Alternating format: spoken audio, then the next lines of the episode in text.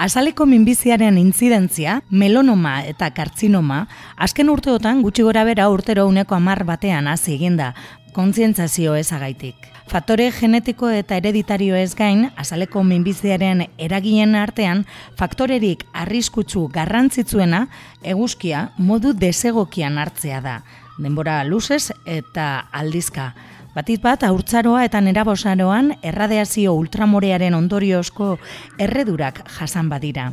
Etorkezunean, datuak murrizteko beharrezkoa da arreta prebentzioan eta trantamentu goiztiarrean inziditzea.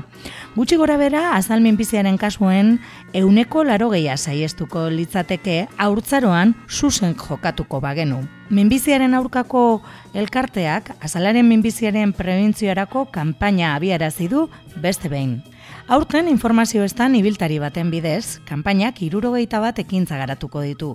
Bizkaiko eta emeretzi herritara iritziko da, berro eta sortzi egunetan zehar. Ekainan sartuta gaude, eguzkia ja badaukagu gure kaleetan presente, eta urtero bezala, minbiziaren aurkako elkarteak ba, kalera ateratzen dira, ba, eguzkiak egiten, azalean, e, egin aldigun mina ohartarazteko, bea dugu, teknikaria da, konta iguzu pizka bat zer egiten duzuen bertan. Vale, bueno, kanpaina honetan egiten duguna bada, e, e, badau aparatu bat neurtzen duela melanina. Ba, melanina bada gurasaleko kolorea e, horren arabera zenbatetan melanina gutxiago, gutxiago izan nahi du pertsonak oso zuriak direzenak. Beraz, melanina gutxiago dekote. Orduan, horren arabera, ba, protekzioa e, baltuago izan behar da.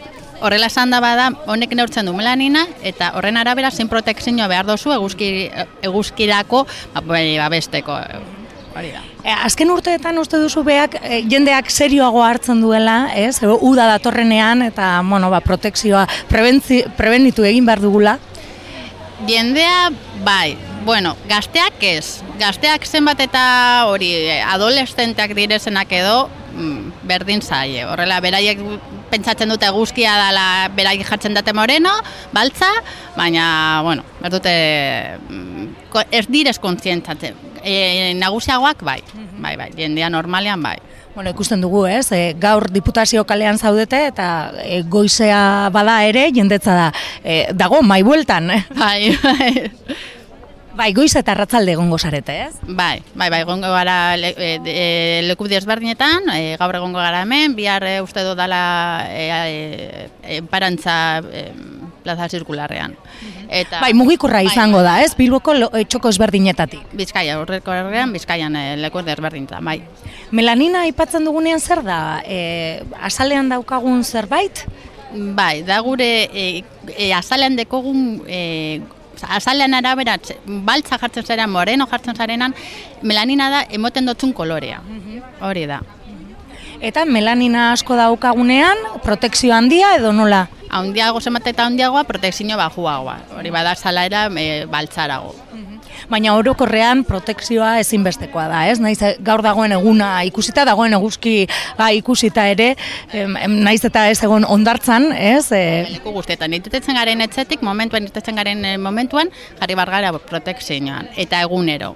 Bai negua, bai azkenean izpiak e, trasladatu, pasatu egiten direz. Bai, ez, e, hau e, normalean beti uste dugu udako kontua dela, ez? Baina hau e, urte osoan zehar kontutan euki behar da. Bai, bai, urtean zehar, bai, bai. Bai, hori ez da lehen, bai, neguan, e, udazkenean, e, udaberrian, egunero, bai.